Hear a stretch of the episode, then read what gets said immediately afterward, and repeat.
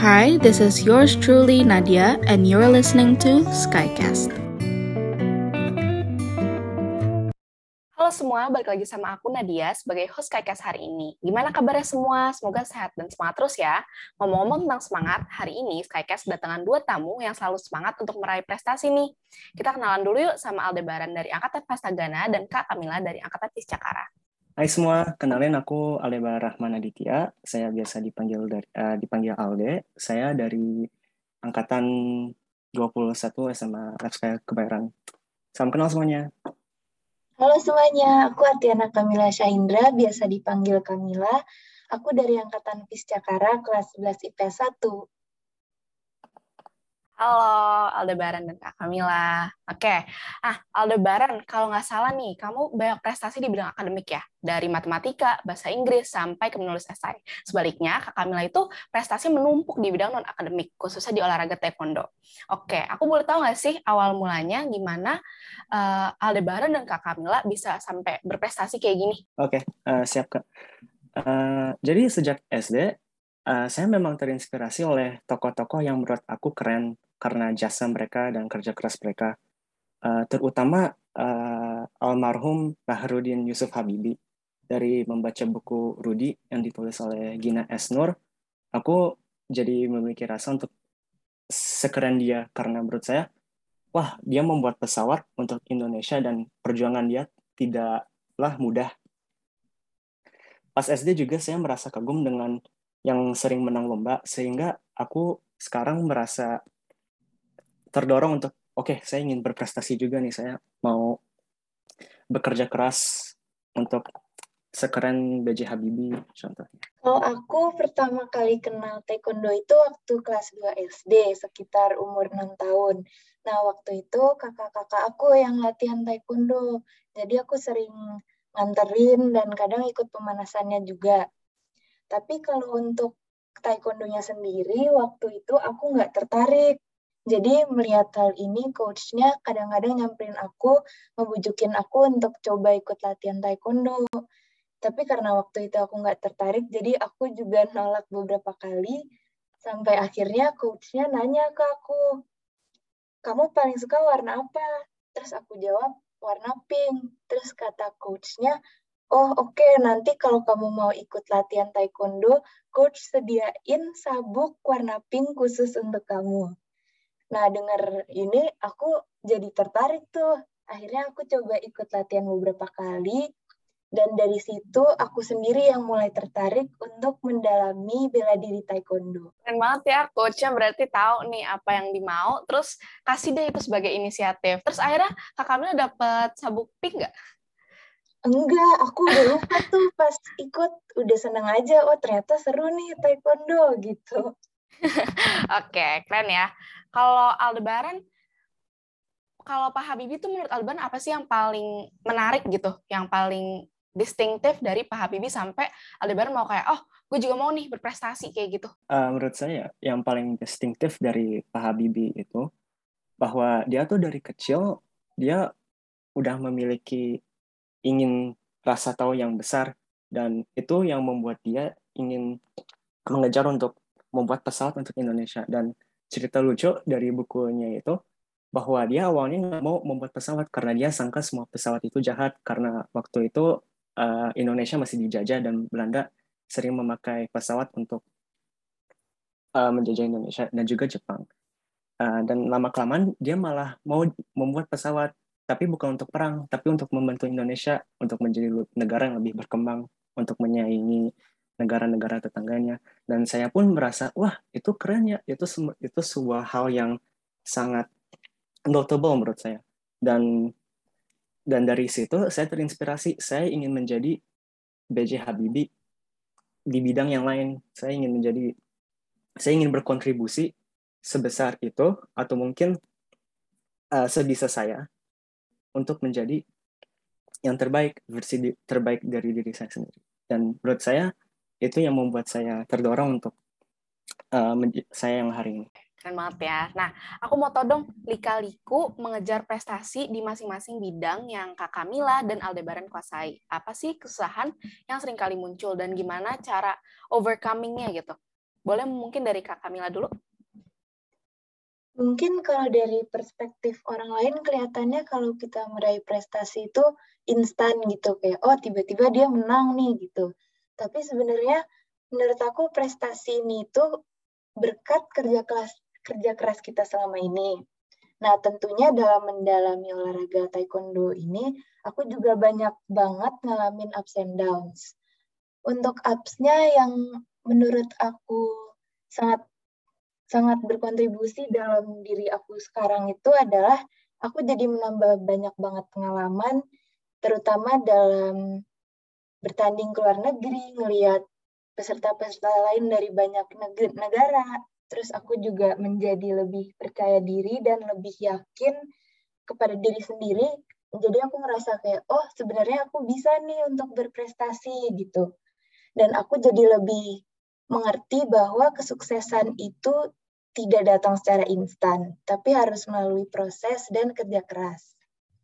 Kayak kita nggak bisa baru aku baru ikut taekwondo hari ini baru dapat sabuk putih terus aku pengennya bulan depan udah sabuk hitam. Kan nggak bisa tuh. Nah untuk downs-nya yang aku rasa sangat berdampak sekarang adalah pandemi ini di mana aku nggak bisa latihan secara tatap muka jadi mungkin mengalami kendala beberapa kendala seperti nanti zoom-nya terdisconnect atau nanti bagian kaki aku ada yang nggak kelihatan di kamera dan berbagai macam kendala lain yang kita alami di pandemi ini. Iya kak, aku ngerasain banget sih kalau misalkan selama pandemi kan rata-rata tuh kelas dari Zoom ya, pasti akan ada aja kendala yang kayak nggak dikontrol kita gitu, kayak uh, posisi kamera, terus uh, internet gitu-gitu, dan tuh pasti susah banget ya kak. Iya, bener banget Nat. Tapi kak Kamila tetap aja nih dapat penghargaan. Kalau nggak salah yang paling baru tuh kejuaraan Taekwondo New York International Eagles Virtual Taekwondo Championship. Kalau boleh tahu tuh gimana kak kerjanya? Um, jadi yang aku lakukan sekarang adalah kalau latihan di Zoom, aku mencoba semaksimal mungkin untuk misalnya kameranya posisinya yang benar, terus wifi-nya yang bagus, agar coach-nya juga bisa mengkasih kritik secara detail gitu. Nah tentunya kalau di pandemi ini semuanya juga tergantung diri kita, jadi aku rasa dari kitanya sendiri juga harus serius, juga harus konsisten, dan makanya aku terkadang meluangkan waktu beberapa menit sebelum tidur untuk stretching, untuk inget-inget lagi gerakannya. Dan kebetulan juga keluarga aku ikut taekwondo semua, jadi kadang bisa dibantuin juga sama ayah, sama kakak-kakak, sama mama. Dan banget ya, berarti keluarga kompak gitu, bondingnya pakai taekwondo. Oke, nah kalau Aldebaran gimana? Apa sih lika-likunya selama meraih prestasi? Kalau saya sih tidak jauh ya dari Kak Kamila. Kalau saya tentu pas mulai ikutan lomba-lomba dan olimpiade, saya uh, jalannya tidak semulus yang saya kira dan saya tidak jarang menemui kekalahan. Menurut saya dari dari sekian banyak saya menang, saya memiliki kekalahan yang lebih banyak. Uh, dan saya juga tidak jarang kecewa dan terkadang murung karena sudah merasa bekerja keras dan memberi segala usaha karena rasanya kalau misalkan udah merasa yang udah merasa melakukan yang terbaik terus nggak berhasil emangnya bisa berhasil gitu. Kan mikirnya gitu saya awalnya. Tapi sering seiring dengan jalannya waktu aku jadi terbiasa dan bahkan aku menerima kekalahan bahwa kekalahan itu wajar dan akan selalu ada. Dan saya juga memiliki mindset besok tuh belum tentu ada. Jadi saya dari situ rasa oke okay, aku harus selalu memberikan yang terbaik. Semoga yang selanjutnya menang atau setidaknya lebih bagus daripada kemarin.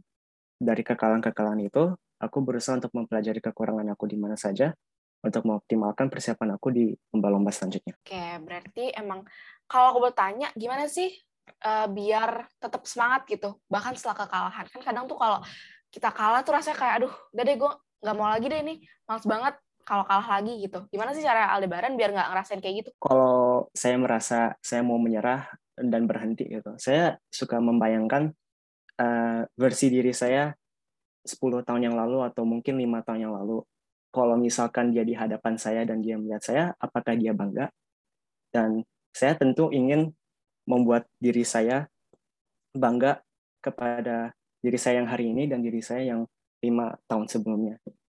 Dan itu yang membuat saya merasa untuk selalu mendorong, selalu berusaha, dan kalaupun kalah itu tidak apa-apa. Yang penting berusaha dan semoga-semoga aja suatu hari menang. Oke, wow, inspiratif banget ya. Nah, ini hampir ke semua narasumber Skycast aku tanyain, tapi memang kadang-kadang tuh jawabannya berbeda-beda gimana sih cara Aldebaran dan Kak Kamila menyimbangkan kehidupan di sekolah seperti sosialisasi dengan teman, guru, dan akademik, serta prestasi kalian yang sekarang? Untuk cara balancing antara akademik, kegiatan di luar sekolah, dan social life, menurut aku adalah dengan cara membagi waktu dan harus mempunyai kontrol diri yang kuat. Aku sendiri selalu memprioritaskan akademik, jadi kalau membuat jadwal itu aku selalu mengutamakan kegiatan sekolah Misalnya kalau aku mau nentuin jadwal latihan taekwondo, aku lihat dulu tuh besoknya ada ulangan atau tugas yang harus dikerjain atau enggak. Kalau misalnya ada, aku pindahin latihan taekwondonya ke hari lain yang besoknya free.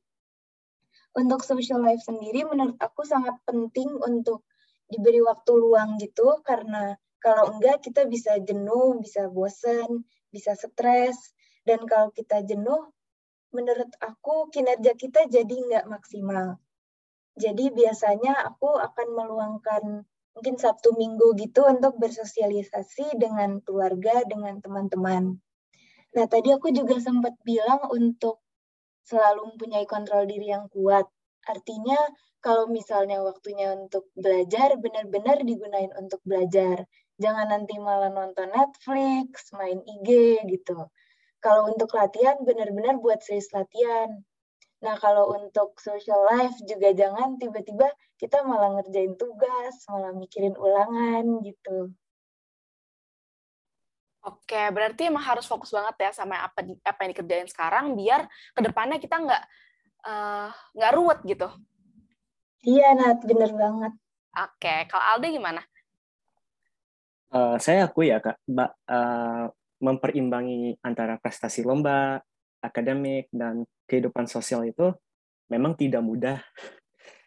Uh, itu kenapa saya sendiri membuat skala prioritas. Untuk aku sendiri, aku memprioritaskan akademik dulu, karena menurut saya akademik yang paling penting. Apabila akademik saya sudah aman, saya akan berpikir, oke, okay, ini udah aman, apakah ada lomba? Kalau ada lomba, saya ikutan dan juga, dan juga kebalikannya kalau misalkan ada lomba tapi menurut saya nih akademik saya nih lagi menurun atau ada materi yang saya belum benar-benar kuasai saya akan fokus ke itu dulu dan uh, membiarkan tidak untuk ikutan lomba. Dan untuk social life menurut saya itu juga penting. Karena manusia kan makhluk sosial. Dan saya akui hal tersebut. Dan itu kenapa uh, saya setiap hari selalu memberi waktu untuk berhubungan sama keluarga, berhubungan sama ade atau uh, setidaknya menurut saya uh, video call sama kakek dan nenek karena menurut saya itu yang paling uh, kena hati. Oke, sangat intimate ya berarti. Nah, pertanyaan selanjutnya itu untuk Kak Kamila. Gimana sih perasaan Kak Kamila pas lomba jenjang internasional uh, waktu itu? Kan Kak Kamila ada beberapa nih yang uh, jenjangnya internasional. Apa sih perasaan yang sangat dirasakan waktu itu? Pastinya bangga banget karena bisa menjadi representatif dari Indonesia dan bisa berkontribusi secara langsung untuk mengharumkan nama bangsa di dunia internasional. Tapi pastinya waktu lombanya ada rasa grogi dan tidak yakin kayak sebenarnya ada nggak sih nih kesempatan untuk menang? Karena ternyata peserta-peserta yang ikut itu dari puluhan negara dan banyak banget gitu. Tapi di saat itu aku coba ngingetin diriku lagi kalau aku sudah bekerja keras dengan maksimal dan apa yang bisa aku lakukan sekarang adalah untuk melakukan yang terbaik. Dan aku juga coba ngingetin aku lagi kalau apa pun hasil dari pertandingan ini adalah hasil yang terbaik untuk diri aku. Oke, nah kalau untuk Aldebaran, apa aja yang harus dipersiapkan sebelum Olimpiade dan biasanya belajar dari mana aja? Karena kan KSN juga hampir udah mau ini ya orang-orang udah pada mau ikut KSN teman-teman kita. Uh, mungkin mereka bisa belajar sedikit nih dari Aldebaran. Oke, okay, kalau untuk persiapan, menurut saya ini memang pertanyaan yang saya yang sangat personal ya menurut saya. Uh, kalau saya sendiri, saya sering oke okay, kalau mau persiapan dan ini benar-benar minat dan benar-benar mau menang, saya selalu belajar in the moment. Jadi segala segala distraction seperti HP, apa pun suara saya diamkan untuk benar-benar fokus agar otak saya agar otak saya langsung nyerap informasi dari saya yang pelajari dan saya akui itu memang bukan hal yang mudah karena terkadang tergoda untuk ambil HP terus cek apakah ada notif dari teman, apakah ada notif dari wali kelas. Tapi saya selalu berusaha untuk mengendalikan diri, untuk selalu belajar dan mengingatkan diri bahwa, eh kamu nih mau menang nih. Emang kamu mau mengecewakan diri sendiri. Oke, nah emang sebagai remaja tuh kita emang sering merasa terdistract ya. Jadi yang paling penting yang aku bisa simpulin dari dua uh, orang berprestasi adalah yang kita harus latihan untuk self control. Kita harus bisa untuk restrain diri kita, kita harus fokus gitu. Kalau misalkan kita mau achieve uh, sesuatu yang besar. Nah, oke. Okay. Kalau boleh tahu, ada nggak sih tips yang ingin disampaikan agar bisa seperti Kak Kamila dan Aldebaran? Uh, yang kayak berprestasi sampai ke jenjang yang tinggi dan memenangi banyak lomba. Menurut saya, uh, yang saya akan selalu berikan sebagai tip pertama saya adalah kamu mau menang di bidang apa? Kalau saya sendiri, saya paling suka uh, bahasa Inggris dan juga komputer. Dan itu kenapa saya selalu, oke, okay, kalau mau menang ini, saya harus fokus ke yang ini. Selalu, dan tip yang kedua itu adalah untuk benar-benar give it your best. Jangan jangan menyerah dan kalau misalkan merasa capek atau mau menyerah, selalu ingetin diri bahwa kamu nih, kamu yang mau ini. Kamu yang melakukan ini, you chose to do it, and you should finish it. Gitu. Itu menurut saya. Uh, kedua tips yang saya akan berikan kepada orang yang mau ikutan lomba. Oke, nah kalau Kamila gimana nih? Menurut aku tipsnya adalah untuk terus bekerja keras untuk pantang menyerah karena pasti akan banyak tantangan dan banyak kegagalan gitu. Dan yang terpenting adalah untuk doa kepada Tuhan agar diberikan hasil yang terbaik. Nah, nggak kalah penting juga menurut aku untuk tetap humble jika telah meraih suatu prestasi karena hidup ini terus berjalan dan prestasi kita di hari ini itu hanyalah suatu event yang nantinya akan berlalu juga. Jadi menurut aku kalau misalnya kita menang hari ini belum tentu besok kita akan menang lagi. Belum tentu tuh bulan depan kita juga akan menang lagi. Jadi menurut aku setelah berhasil meraih prestasi juga penting untuk tetap humble dan tidak berbesar kepala gitu. Nah, oke, okay. kan tadi udah kasih tips nih. Kira-kira ada nggak sih perkataan atau kata-kata bijak yang diingat sama Kak Kamila dan Aldebaran selama menempuh perjalanan meraih prestasi yang dipegang teguh banget? Kayak misalkan kalian udah mau menyerah gitu, terus kalian ingat kata-kata apa kata-katanya? Ada nggak? Kalau saya sendiri ya kak, saya itu selalu kalau saya mau menyerah, saya mau berhenti, saya selalu mengingatkan diri saya bahwa kau harus menjadi orang yang lebih baik daripada kemarin. Jadi kalau misalkan kemarin udah level 1, setidaknya hari ini level 1,1 contohnya. Atau 1,5. Dan menurut saya yang penting itu bukan kemenangannya, tapi yang penting adalah progresnya gitu. Jadi jangan membandingkan diri dengan teman, jangan membandingkan diri sama pesaing, tapi diri bandingkan bandingkan dengan versi diri kamu kemarin untuk menjadi versi kamu yang terbaik di esok hari. Dan itu yang membuat saya selalu untuk mendorong diri untuk selalu setidaknya berusaha. Baik, kalau Kak Kamil gimana nih? Kalau aku, quote yang paling menyentuh itu menurut aku dari Lion King, yaitu The past can hurt, but the way I see it, you can either run from it or learn from it. Jadi, menurut aku artinya ini adalah hidup ini pasti banyak tantangan dan kita akan mengalami banyak kegagalan, tapi terhadap kegagalan itu kita punya dua pilihan.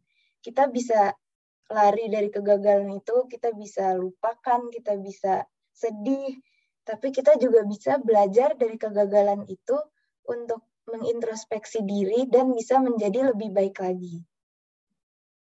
Wah, ternyata aku sama sama Kak Kamila quotes-nya. Aku juga. Eh, iya, kan? iya, beneran. Aku tuh kalau denger kan ada tuh video yang uh, isinya uh, cuplikan-cuplikan dari Disney gitu, yang pakai quotes itu. Terus aku tuh kadang suka sedih gitu ngeliatnya, kayak ya ampun, bener juga ya, gitu. Iya, bener banget. Oke, nah mungkin pertanyaan dari aku udah sih segitu aja. Nah, terima kasih banget, terima kasih banget ya Kak Kamila dan Aldebaran udah datang ke podcast KaiKas hari ini. Mohon maaf kalau ada kata yang tidak berkenan. Aku Nadia, host KaiKas, pamit undur diri.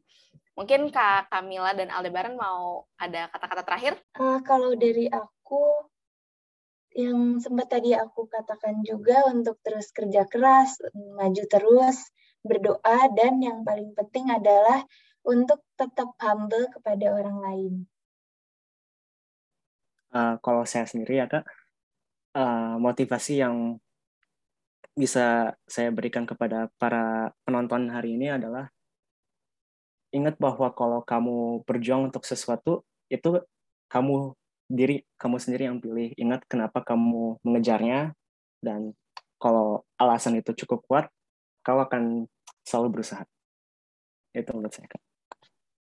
Oke, terima kasih banyak ya Aldebaran dan Kak Kamila. Aku Nadia, host KKS hari ini, pamit undur diri. Terima kasih. Terima kasih.